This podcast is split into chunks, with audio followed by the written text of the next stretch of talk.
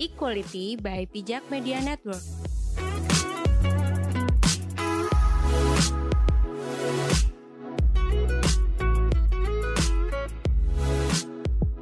Halo, selamat pagi, siang, dan malam.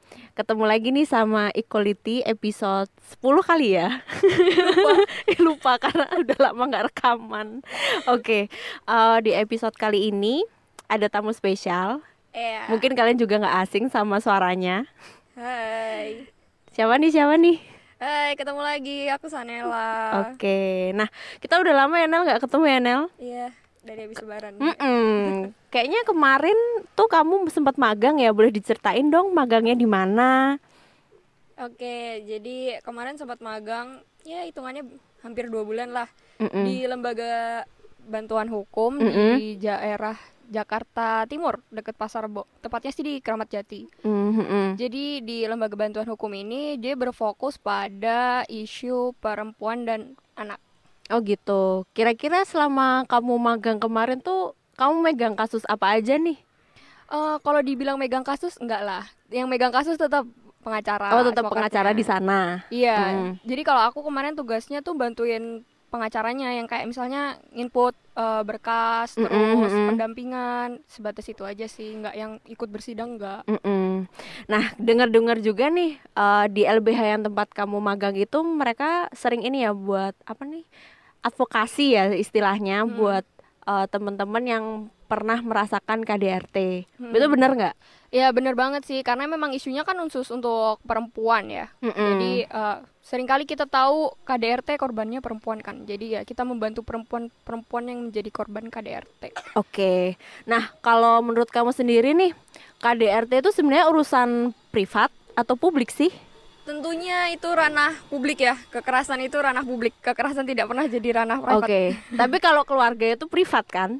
Iya, keluarga tetap private, tapi Mm-mm. kalau jatuhnya sudah masuk ke kekerasan, aku rasa itu sudah kembali ke ranah publik. Oke. Nah, sebenarnya eh, dari kasus-kasus yang pernah kamu baca, pernah kamu dengar, bahkan pernah kamu lihat langsung nih, karena selama kamu magang di sana kan pasti sering diajak tuh ke mana-mana.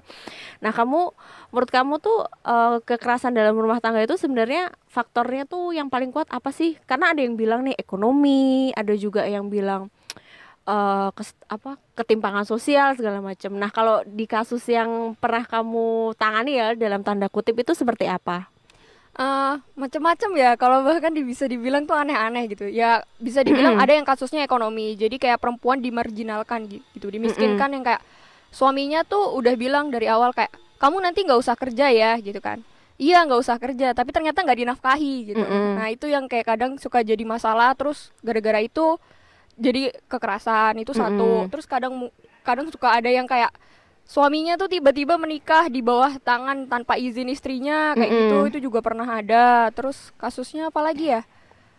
Em, ngilang, ngilang juga ada yang kayak suaminya tiba-tiba ngilang gitu. Mm-mm. Jadi kayak ya udah gitu istrinya tiga bulan tidak dinafkahi tidak dinafkahi lahir Mm-mm. batin gitu hilang begitu saja Jadi eh, kalau nikah tuh juga tetap bisa hilang ya. Kirain orang yang gebetan yang tiba-tiba hilang PHP gitu ya. Heeh. oh enggak jadi ada suami yang udah nikah terus hilang Mm-mm. Ya, Hilang nggak ada kabar gitu. nggak ada Oke, baiklah. tidak pulang ke rumah Nah, selama ini kan eh, aku tuh pernah baca soal UU nomor 23 tahun 2004 tentang penghapusan kekerasan dalam rumah tangga. Ya itu memang udah ada nih peraturannya, tapi kenapa dimunculkan kembali RUU PKS yang mana itu pro kontra kan? Ada yang bilang, "Ah, RUU PKS tuh melegalkan zina gini-gini." Terus apa melegalkan pacaran segala macam. Nah, menurut kamu kenapa sih kok munculnya RUU PKS ini dianggap penting? Eh, jadi meskipun ada undang-undang penghapusan kekerasan dalam Mm-mm. rumah tangga, eh, undang-undang penghapusan kekerasan seksual itu juga dibutuhkan gitu. Karena kan di dalam undang-undang penghapusan kekerasan dalam rumah tangga itu kan ranahnya cuma di dalam keluarga aja kan. oh iya benar-benar. Iya, kalau yang di RUU PKS ini ranahnya udah ranah publik, ranah masyarakat gitu loh. Jadi kalau misalnya yang kontra orang-orang yang kontra itu mereka bilang kalau RUU PKS ini bakalan melegalkan zina dan Mm-mm. LGBT itu nggak benar gitu. Mereka harus baca dulu sih draftnya. Jadi di pasal mana yang bilang Mm-mm. bahwa RUU ini akan melegalkan zina dan LGBT. Jadi Mm-mm. itu sih yang diperlu perlu digarisbawahi. Oke, nah tapi kemarin tuh ada yang suruh nih Nel Eh, di kolom komentar Instagram Pijak Podcast itu ada yang ngomong kayak gini RUU PKS itu nanti ujung-ujungnya mengatur ini privat, mengatur privasi orang-orang. Menurutku sih, ya ngapain juga kamu mau maunya diatur sama negara, privasimu diatur sama negara, padahal kan enggak kan RUU PKS. Enggak, jadi RUU PKS ini melindungi korban kekerasan seksual. Mm-mm. Cuma dari kemarin aku kan aku sempat ikut rapat di Senayan ya. Ah-ah. Rap- tapi aku cuma mantau doang gitu Mm-mm. apa yang diomongin sama anggota di sana. Mm-mm. Mereka ini masih pro kontra dalam artian yang di bagian definisi gitu. De- Jadi Mm-mm. definisi kekerasan seksual ini masih jadi pro kontra. Oh, jadi belum jelas gitu ya. Belum apakah jelas. misalnya misalnya nih Mm. kayak aku nyubit gitu, apakah itu apa namanya? Termasuk kekerasan atau tidak gitu kan. Heeh, tapi yang paling digarisbawahi banyak orang di sini itu kekerasan seksual di dalam rumah tangga. Jadi banyak orang yang nggak percaya soal marital rape. Mm-mm, nah bener-bener Gitu. tuh katanya tuh ada kan yang katanya si Ustadz itu loh yang bilang kalau ya suaminya udah pengen ya udah Oh. istrinya diem aja padahal kan Namanya inisial TZ. Uh-uh, itu juga kemarin pernah dibahas di podcast sebelumnya tentang seks harus konsen Hmm. itu kan dijelaskan bahwa ya meskipun kamu udah menikah kan harus tetap pakai konsen mau gimana pun Ya betul. Jadi eh, balik lagi undang-undang eh, penghapusan kekerasan seksual ini itu untuk melindungi korban gitu. Jadi Mm-mm. bukan untuk melegalkan zina maupun LGBT maupun Mm-mm, penjualan apa ya kondom secara bebas itu enggak gitu. Mm-mm. Jadi kan selama ini yang kita tahu kekerasan seksual semakin hari itu semakin banyak gitu loh kasusnya.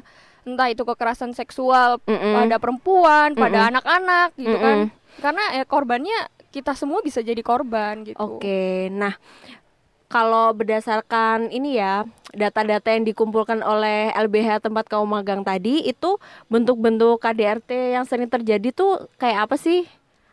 Eh, jadi yang eh, tahun lalu aja ya statistik tahun Mm-mm. lalu itu ada sekitar 837 kasus. Tapi Mm-mm. itu kekerasan terhadap perempuan dan anak ya. Ah, Jadi kalau untuk statistik eh, KDRT-nya kekerasannya apa aja aku Mm-mm. nggak ngerti. Tapi paling sering itu ada fisik sama psikis sih. Jadi kayak verbal kekerasan verbal yang kayak dimaki-maki, Mm-mm, terus mm-mm. dihina-hina segala macam itu ada. Mm-mm. Fisik itu biasanya kayak menyertai lah gitu, Oh, dipukul oke. lah, ditendang macam-macam sih. Mm-mm. Oke, nah biasanya yang paling sering jadi korban ini dari pihak suami, istri atau anak? Tentunya yang masuk laporan di tempatku ker- eh, mag- magang itu ya perempuan sih, istri Mm-mm, ya, istri mm-mm. sih yang paling sering jadi korban. Anak pernah nggak ya? Ja- aku jarang sih eh, ikut pendampingan yang kayak anaknya juga jadi korban. Mm-mm. Jadi paling sering kena istri. Oke, nah biasanya keluhan-keluhan dari korban dari pihak perempuan itu seperti apa sih? Jadi eh, keluhan-keluhan yang dihadapi para istri ini Mm-mm. biasanya kayak mereka tuh sering dianiaya gitu, kayak eh, suami tuh tiba-tiba marah gitu kan, Mm-mm. tahu-tahu istrinya dipukul gitu kan, Mm-mm. ya sampai babak belur gitu yang datang dengan kondisi habis visum, Mm-mm. terus bengkak-bengkak bekas luka-luka gitu juga pernah. Oh gitu, beneran pas babak belur gitu datang ke tempatmu ya? Iya. Oh my god, Sedih sih. aku nggak bisa bayangin sih kalau aku yang menangani itu ya. Iya. Karena kan aku tiba-tiba orang cengeng yang gampang terharu Hmm. gitu, jadi takutnya aku malah profesional. Nah, itu dia. Beratnya di situ sih. Mm-mm. Nah, eh, ini mungkin out of topic ya, tapi selama kamu men- ikut mendampingi ya istilahnya, itu hal-hal apa aja sih yang apa ya boleh dilakukan dan tidak boleh dilakukan ketika mendampingi kasus apa kekerasan dalam rumah tangga gitu. eh yang paling penting sih eh, kita harus memiliki empati ya gitu. Mm-mm. Jadi kita harus eh, punya rasa lah kalau dia tuh juga sedih, dia tuh merasa Mm-mm. sakit gitu. Kita juga harus berempati yang kayak menyadari bahwa oh iya dia ini perlu bantuan kita kayak Mm-mm. gitu. Hal-hal Oke. seperti itu diperbolehkan. Yang Mm-mm. tidak diperbolehkan adalah terbawa suasana gitu. Mm-mm. Itu yang sangat amat sangat eh, tidak dianjurkan gitu loh. Oke, mungkin kalau kita tahu ya misalnya ada temen yang mengalami kekerasan dalam rumah tangga kan kita sebagai teman ya harus berempati dong, harus kasih dia support. Hmm. Mungkin kalau dari pengalaman kan kita jadi tahu nih bagaimana cara apa ya bukan menangani juga sih karena kan kita bukan ahlinya toh. Iya. Paling nggak kita jadi pihak yang suportif gitu loh buat Hmm. orang-orang terdekat yang mengalami kekerasan itu tadi. Oke, lanjut lagi. Eh, kan tadi aku bahas soal faktor-faktor yang mempengaruhi kekerasan dalam rumah tangga. Ada yang bilang kalau faktor ekonomi itu apa ya salah satu masalah utama. Menurut kamu gimana? Em, iya sih. Jadi aku eh, gimana ya jelasinnya? Jadi selama ini eh, yang butuh bantuan di LBH ini biasanya kebanyakan memang orang-orang yang nggak punya sih. Orang-orang yang nggak punya tuh kayak gimana sih? Kan definisinya tuh agak rancu, rancu gitu ya. ya. Jadi orang-orang yang ekonominya kurang lah gitu kan. Mm-mm. eh kalau misalnya mau kasusnya ini ditanganin gitu kan, biasanya tuh harus melampirkan surat keterangan tidak mampu dari kelurahan setempat. Jadi kayak menurutku Oh. eh, yang ekonominya pas-pasan gitulah gitu. Mm-mm. Terus eh, biasanya KDRT-nya tuh memang seringnya sih ekonomi ya, karena nggak dinafkahi gitu. Kayak udah misalnya KDRT fisik nih, Mm-mm. udah KDRT fisik biasanya kayak sepaket gitu deh sama KDRT ekonomi. kayak aku Oh, bilang di gitu. awal, perempuan yang nggak boleh kerja, udah gitu Mm-mm, suaminya mm. Ya bisa kadang tiba-tiba ngilang atau tiba-tiba ya tidak menafkahi begitu saja gitu. Oke, berarti emang bener ya bahwa kalau misalnya perempuan itu 100% bergantung sama suaminya atau sama laki-laki atau sama orang lain lah, itu memang seakan-akan tuh dia nggak punya power kan Hmm. buat apa ya, buat melawan gitu. Nah, kalau menurut kamu kalau istri itu independen gitu ya, apakah ini juga mengurangi tingkat kekerasan apa kekerasan dalam rumah tangga? lucunya tidak juga. Oh, nggak juga. Jadi aku bingung ya harus gimana ini menjelaskannya karena a- aku mendapati dua kasus Mm-mm. itu istrinya independen dan suaminya nggak kerja gitu. Oh, Udah- jadi kebalik.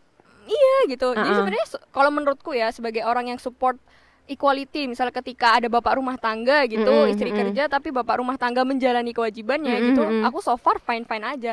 Tapi ternyata bapaknya ini nggak tahu diri. nggak tahu dirinya gimana karena banyak magadir nih iya, jadi istrinya nih udah kerja, udah Mm-mm. memberikan nafkah untuk rumah dan keluarga gitu. Uh-uh. Si bapak ini beres-beres rumah tidak mau, memasak tidak mau, support istri as breadwinner juga tidak Oh, mau I see gitu that. kan. Jadi eh, bahkan istrinya sampai kayak ya udah gimana Mas, mau saya cicilin mobil kamu nge-grab aja apa gimana gitu. Mm-mm. Nggak mau juga, malah waktu aku apa ya eh, namanya nginput kasusnya itu Mm-mm. s- ternyata si bapaknya ini mobilnya malah bermasalah gitu jadi eh, dia tuh berkasus lah gitu jadi Mm-mm, waktu mm-mm. ketika mencicil mobil itu sempat berkasus gitu deh jadi Oh, oke oh oke. iya itu bukan eh, jadi tuh kekerasannya bukan sebatas si bapak nggak mau kerja ya Mm-mm, mm-mm. ini ibunya juga disiksa jadi dalam artian eh, ibunya dapat kekerasan fisik sih dari suaminya yang tidak tahu diri ini Tapi menurutku kayak gimana ya misalnya istri nggak depend, eh, misalnya istri dependent, oke lah Hmm. fine karena dia nggak punya power lah. Tapi dia tuh istrinya tuh punya apa ya punya power gitu. Tapi Eh. kenapa masih terjadi gitu loh? nah ini juga salah satu kunci adalah support system Nah, ah, itu Jadi- gimana tuh? Jadi istri ini nggak punya support system yang bagus maksudku kan Mm-mm. memang dia bekerja gitu Mm-mm. harusnya dia punya apa ya punya power yang kayak gue kerja nih buat keluarga Ah, kok ah, bisa lu betul. nyiksa gue ibarat kata gitu kan ah. tapi nggak bisa karena support systemnya nggak sebagus itu untuk mendukung dia menjadi seorang yang memiliki kuasa untuk melindungi dirinya Oh, sendiri gitu Tapi tetap berarti tetap posisi si istri ini yang mas, meskipun dia independen ya, Hmm. dia tetap lemah kan? Iya, karena support sistemnya jelek. Karena ibunya sendiri nggak mendukung dia untuk kayak, oh suamimu KDRT, ya udah ceraiin aja. Nggak kayak gitu. Ibunya tuh malah justru jadi kayak ibu kandungnya si korban ini Mm-mm. tuh kayak eh jangan cerai gitu kan. Mm-mm, mm-mm. Terus kayak dia cerita ke teman-temannya juga nggak disupport, malah Mm-mm. dia tuh sering kali disalahkan karena dia dianggap istri yang Oh, I see. tidak melayani suami dengan baik. Oke, sebenarnya aku nggak suka dengan konsep melayani ya, seolah-olah itu antara tuan dengan budak gitu. Aku nggak Nah, suka itu. kata itu sebenarnya. Bahkan kalau misalnya dia bilang pelayan gitu, aku nggak suka. Kenapa bukan apa pramuniaga, pramugari, ya kan atau apalah yang pramu-pramu itulah gitu. Nah, tapi apakah ketika dua-duanya independen nih, baik istri maupun suami, dia bekerja, punya apa ya mapan secara finansial, dia punya power, apakah itu juga mengurangi tingkat kekerasan dalam rumah tangga? Eh, kalau menurutku pribadi sih, kalau apa ya kekerasan rumah tangga ini terjadi karena orangnya ya kalau menurutku ya kayak orangnya ini eh emang tipikalnya tuh ab- abusive gitu loh. Oh, jadi nggak nggak cuman karena power itu tadi Nah, ya? Iya itu. Jadi kayak bawaan orangnya yang kayak misalnya nggak bisa mengontrol emosi gitu Ah, yang ah, kayak ah. sekalinya marah main tangan dan lain-lain sebagainya kayak hal-hal itu bisa terjadi sih gitu. Baik perempuannya independen atau tidak. Oke. Nah, eh, kita berlanjut ke anak ya, karena Hmm. kan anak tuh seringnya dia dilupakan loh dalam kekerasan dalam rumah tangga. Hmm. Kadang misalnya orang tuanya cerai itu ya oke lah fine, Eh, kita punya hak asuh anak segala macem, tapi kadang tuh sisi anaknya tuh diabaikan gitu loh. Nah, Hmm. menurut kamu ketika terjadi kekerasan dalam rumah tangga, apakah itu juga berpengaruh nih buat eh, perkembangan karakter dia atau mungkin pendidikan dia kayak gitu? Ya itu pengaruh banget sih karena eh, pasti kan anak takut yang apalagi kalau misalnya orang tuanya berantem di depan muka dia Mm-mm, gitu yang bapaknya teriak-teriak, ibunya teriak-teriak, apalagi Mm-mm. bapaknya mukul gitu Mm-mm, kan. mm-mm. Ngelihat ibunya nggak berdaya pasti kan Mm-mm. anak merasa sangat-sangat ketakutan ya gitu. Iya, Bapak gue betul. kenapa gitu kan. Mm-mm. Biasanya kalau kasus kayak gitu tuh memang kadang ada yang eh, jadi ka- kalau di eh, LBH ini ada rujukan psikolog juga gitu. Oh iya, itu gimana tuh? Ah, jadi kadang-kadang eh, jadi kita kayak eh, nganalisis kasusnya dulu. Ini Mm-mm. sekiranya ibunya bisa langsung eh, ke pengadilan atau Uh-uh. kita perlu eh, analisis ke psikolog dulu gitu. Mm-mm. Kadang pas analisis ke psikolog itu ibunya sama anaknya bareng. Oh. Di analisis ke psikolog mm-mm. yang kayak nanti dari eh, rujukan dari psikolog masuk ke kami juga gitu yang kayak Mm-mm. ini analisisnya kayak gini kayak gini kayak gini. Jadi gitu. buat pertimbangan gitu ya nanti langkah-langkah untuk apa? Menangani itu seperti apa Nah, gitu. iya itu juga sih. Maksudku kan karena rujukan dari psikolog ini bisa jadi sebuah rujukan apa ya? eh, ke pengadilan juga gitu. Jadi Mm-mm. kan kita ngelihat visum fisik nih dari rumah sakit. Mm-mm. Nah, visum secara psikolog itu Mm-mm, juga bisa jadi rujukan di pengadilan nanti kalau misalnya kasusnya memang mau cerai. Oke. Nah, kita kan ini udah mau bahas tentang cerai nih. Hmm. Nah, biasanya kalau cerai itu ya terlepas dari apa pun faktornya ya atau Hmm. apa pun alasannya, kan lagi-lagi ada stigmatisasi Hmm. alias labeling janda. Hmm. Nah, menurut kamu nih Nel, apakah keputusan istri yang maksudnya dia udah nggak tahan nih, aduh suamiku abusive segala macam, dia memutuskan untuk menggugat cerai, apakah dengan keputusan dia menggugat cerai lalu dia menjadi apa ya, mendapatkan status janda itu juga akan berpengaruh juga buat kekerasan yang lain-lain. Eh, jadi apa ya? Serba salah juga ya rasanya jadi perempuan di Iya, negara ini, weh. kayaknya enggak sih selama patriarki belum runtuh tuh kayak perempuan selalu salah ya. Ah, baiklah. Jadi tuh eh, jangan dibilang ya ketika udah cerai perempuan merdeka. Mm-mm. Enggak. Status janda yang mengikat ini sungguh-sungguh sangat menyiksa gitu karena kayak apa ya janda tuh janda tukang goda gitu ibaratnya tuh kayak gitu gitu jadi tuh apa ya perempuan-perempuan yang menjadi eh, korban perceraian ah. janda ini biasanya mereka kesulitan secara ekonomi karena kan udah nggak ada yang nafkahin juga kan Kalau dia depending ya. Heeh. Tapi kalau yang dari awal memang independen, kayak aku pikir so far fine fine aja sih. Cuma pasti orang-orang bakal ngeliat dia yang kayak, ih dia cerai sama suaminya, kenapa tuh gitu kan? Jadi kayak Oh, orang-orang I mikirnya, ya. biasalah gosip-gosip ya. tetangga gitu Nah kan. itu dia gitu. Tapi ini kali ya meskipun awalnya dia di apa bergantung banget tuh sama suaminya, tapi Hmm. ketika terjadi perceraian akhirnya pun mau nggak mau dia akan berusaha toh Hmm. untuk ya meskipun dari jualan biasa aja terus Hmm. nanti usaha apa gitu-gitu kan yang penting dia ada kemauan untuk berusaha lebih supaya Hmm. misalnya hak anaknya jatuh ke dia tuh Hmm. nah dia kan ada perasaan pengen ya nggak bisa gitu dong aku harus menghasilkan sesuatu untuk anakku kayak Hmm. gitu Iya sih. Jadi itu yang masih jadi fokus apa ya dari LBH juga yang gimana kita bisa memberdayakan teman-teman yang berstatus janda ini gitu karena kan oh gitu Iya, jadi yang kayak teman-teman berstatus janda ini udah nggak dinafkahi, mereka juga nggak kerja. Jadi kayak mereka mau bangkit juga susah kan. Mm-mm. Ya mau nggak mau harus mulai lagi dari nol. Oke, nah kalau di LBH tempat kamu magang itu biasanya ketika ada kasus nih, itu penanganannya seperti apa? Kalau tadi kan kamu jelasin ada rujukan psikolog dulu nih. Mm. Nah, setelah itu kayak gimana sih? Eh, jadi kalau untuk alur penanganannya ya eh, ada macam-macam. Ada yang mitra, kita nyebut klien ini mitra ya. Mitra Oke. datang langsung ke kantor. Mm-mm. Itu biasanya langsung dilayanin eh, untuk eh, apa ya namanya? Em, konsultasi. Ah, ah. Nah, itu, Itu, datang kon- wait, wait. itu konsultasinya by person gitu ya? Iya, heeh.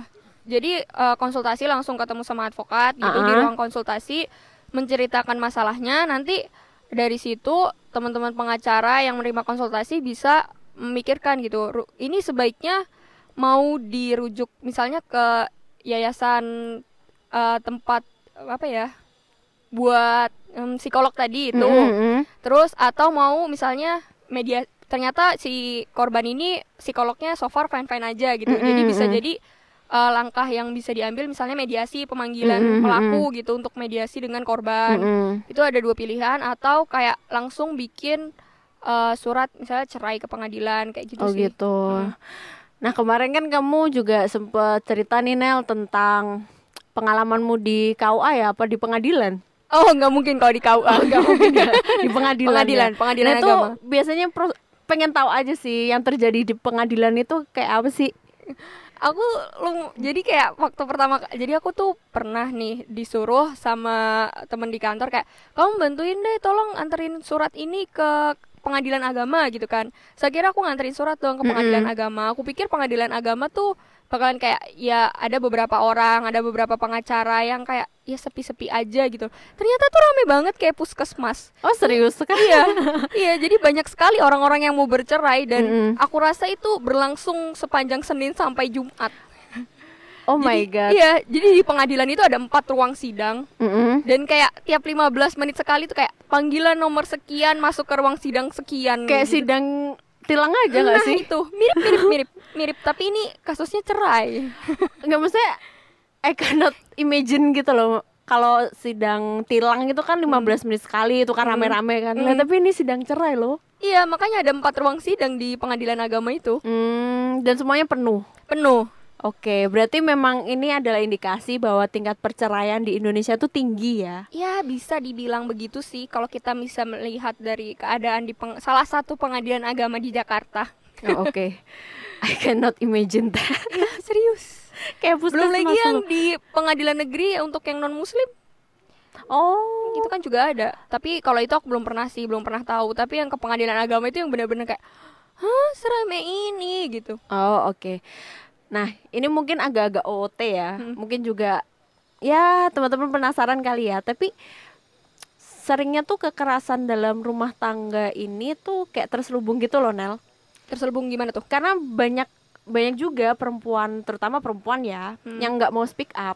Nah itu dia. karena mungkin ngerasa ya udahlah ngapain sih mungkin dia bisa berubah atau apa tapi Hmm. yang misalnya kayak yang udah diadvokasi sama LBH tempatmu magang Mm-mm. itu berarti dia kan udah apa ya memberanikan diri untuk Mm-mm. speak up nah Hmm. menurut kamu gimana nih buat perempuan-perempuan yang merasa tersiksa dalam tanda kutip tapi Hmm. dia susah untuk speak up Hmm, kalau itu sih di, ya sejujurnya perempuan-perempuan yang tidak berani speak up ini mereka harus didukung sih. Mereka harus punya support system yang bagus ya, baik dari teman-teman sekitarnya, tetangganya dan keluarganya sih bahwa kayak dia tuh harus tahu kekerasan ini tuh tidak pernah bersifat private gitu loh. Masa dia mau dirinya terus-terusan disiksa kan tidak. Mm-mm. Aku rasa setiap orang berhak merdeka dari kekerasan.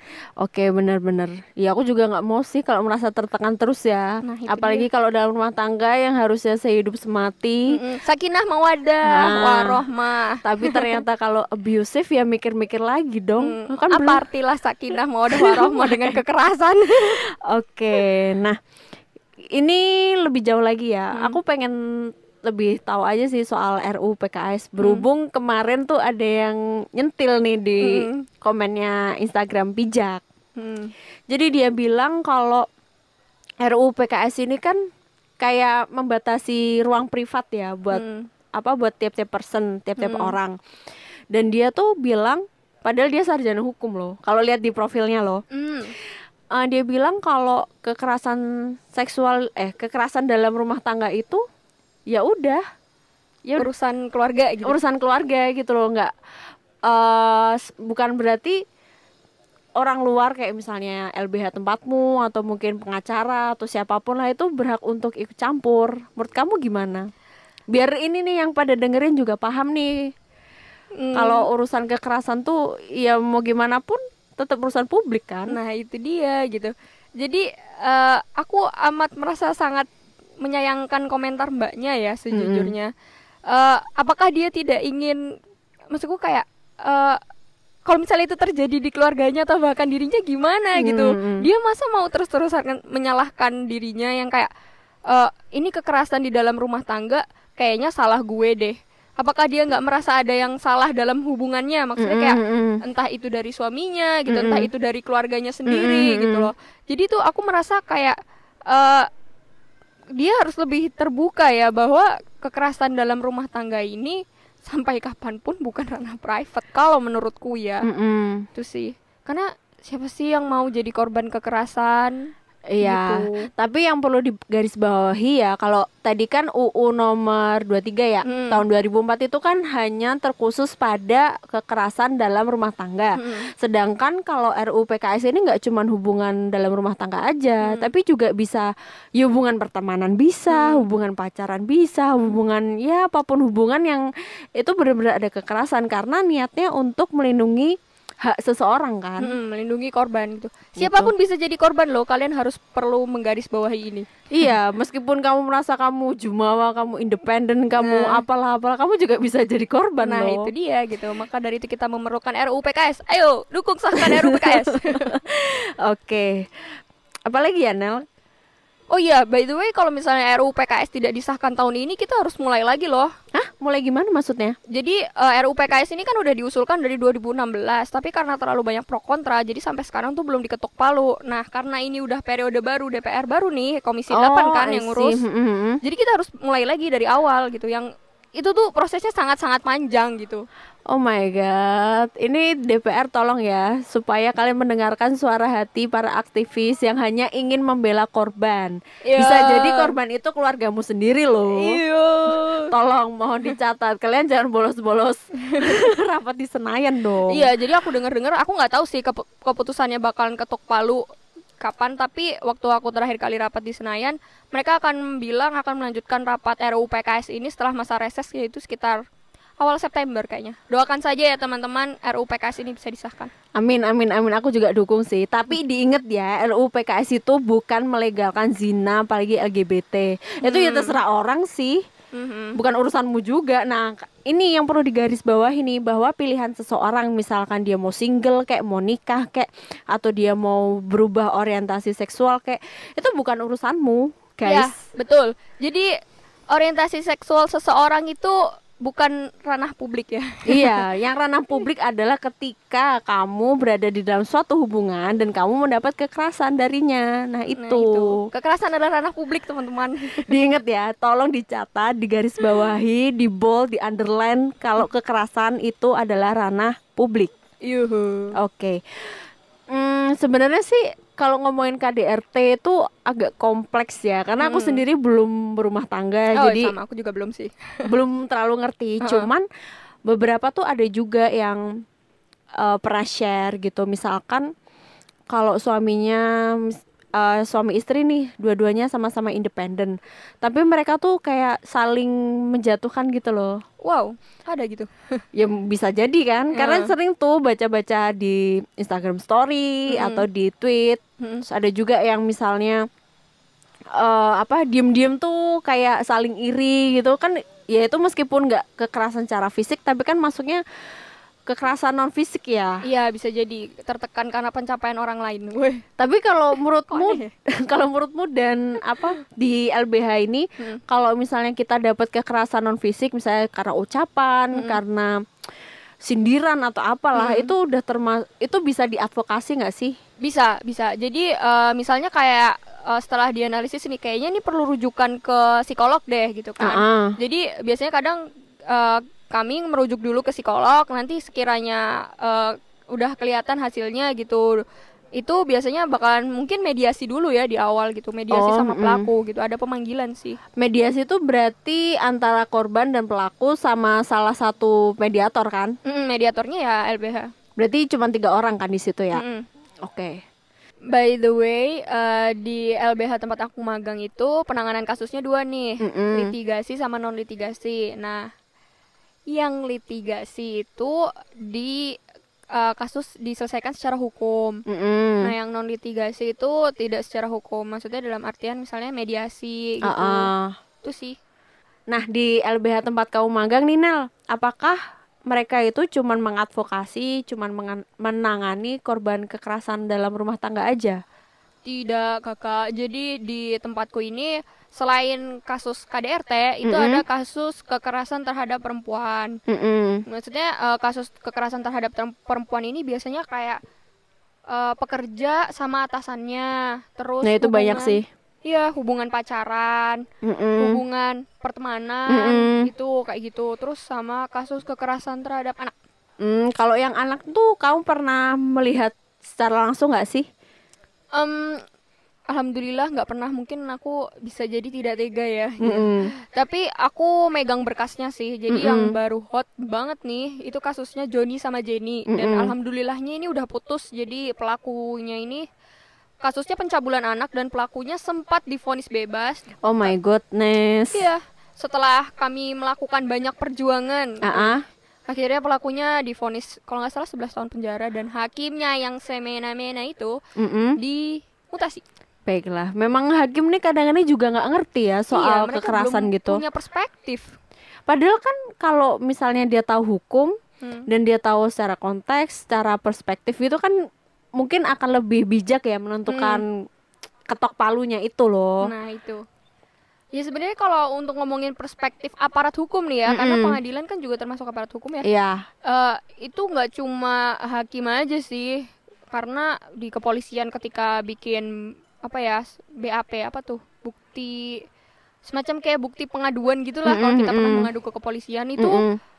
Juga kadang polisi tuh nggak punya perspektif terhadap perempuan gitu Hmm. apalagi terhadap seorang istri yang kayak kadang tuh kayak polisi tuh cuma ngeliat eh oh ibu berantem sama suaminya ya ibu kali yang salah kayak Nah. gitu aduh ya allah Aduh. sudah jadi korban dikorbankan lagi, Lagi. bagaimana itu Memang seharusnya aparat hukum ya itu perlu banget sih diedukasi kembali tentang Hmm. bagaimana menangani sebuah kasus. Contohnya aja kayak pemerkosaan ya. Itu Iya. kan udah sering ya banyak yang lapor ke polisi tapi ujung-ujungnya pak kamu pakai baju apa? Kenapa keluarnya sendiri segala macam. Ya itu kan nggak nggak nyambung ya. ya betul sekali apalagi polisi juga nggak percaya marital rape Hmm, Oh, iya? sangat-sangat tidak percaya. Jadi kayak ibu diperkosa suami ibu, masa sih? Ya mohon maaf, bapak di Undang-Undang Penghapusan Kekerasan dalam Rumah Tangga, kekerasan seksual dalam rumah tangga itu termasuk ya.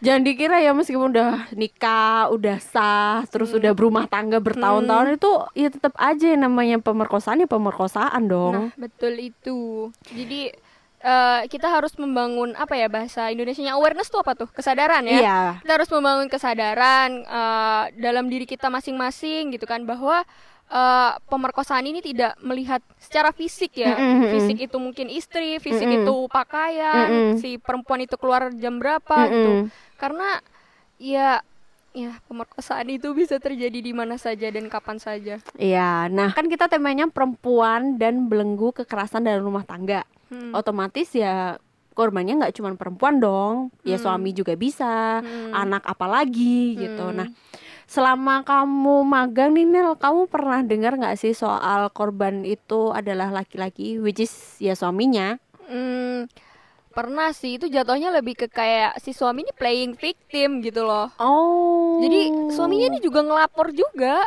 Oh, jadi saling lapor gitu iya, ya. gitu. Itu pernah sih kejadian. Tapi akhirnya gimana tuh? Aduh, kayaknya sih biasa kalau kasusnya kayak gitu ya, biasanya kayak di awal mediasi dulu sih kalau udah mulai saling lapor gitu. Oh, kalau saling lapor tuh otomatis langsung mediasi ya? Iya, jadi kayak eh, mediatornya juga tahu permasalahannya ini sebenarnya gimana kayak gitu. Hmm. Soalnya kan pasti eh, kalau di LBH ku sendiri pasti perspektifnya kan ke istri ya, ke perempuannya itu. Mm-mm. Nah, kalau misalnya si laki-lakinya juga lapor ke pengacara atau bahkan Mm-mm. tiba-tiba gugat cerai itu Mm-mm. juga perlu apa ya memang perlu mediasi gitu Hmm, oke. Nah, kalau misalnya ket- ketika sudah mediasi nih, itu kan kalau misalnya mau perceraian kalau nggak salah ada mediasi juga kan Hmm. sama pengadilan gitu. Hmm. Nah, ketika memutuskan untuk gugatan cerai ini, apa misalnya si istri menggugat cerai. Hmm. Nah, goalnya supaya misalnya apa ya? Aku masih belum ngerti aja sih. Misalnya ketika mediasi nggak bisa, itu Hmm. Tanda-tanda gugatan cerai itu dikabulkan itu biasanya karena apa sih, Nel?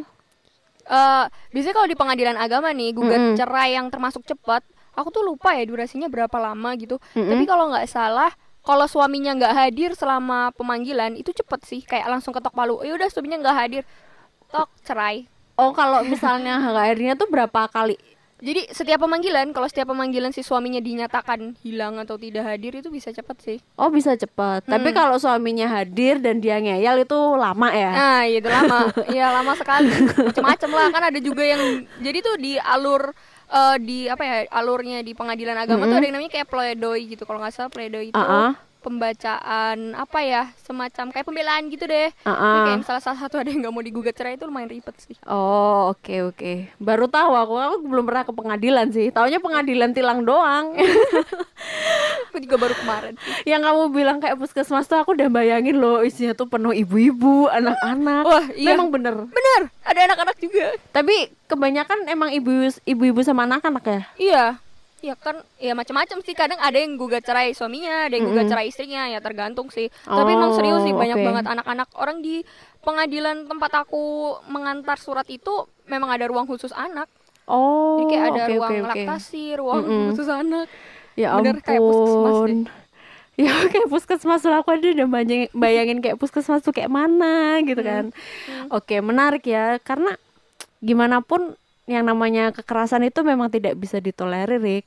Karena ya lagi-lagi ada salah satu pihak yang powernya tuh lebih kuat Mm-mm. dan ketimpangan ini Mm-mm.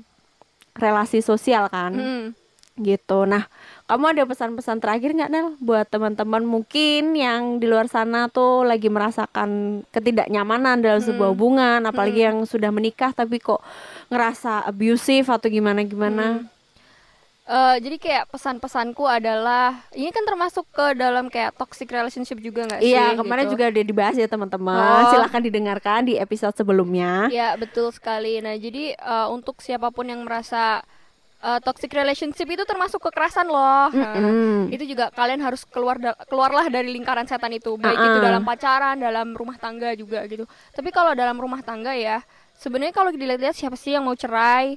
Iya bener, Iya nggak kan? ada kan yang mau ada, cerai. uh, tapi kalau misalnya dirasa itu memang sudah keterlaluan gitu, bahkan uh, mediasi atau cara non litigasi gimana pun tidak memberikan jawaban dan hasil gitu kan Iya, dari dampak kekerasan, ya memang mau nggak mau itu cara lain adalah berpisah gitu kan. Iya, meskipun ya di dalam agama, apalagi agama Islam ya, Hmm. Tuhan itu kan membenci perceraian ya. Tapi kalau misalkan eh, hubungan itu lebih banyak mudorotnya, ya udah.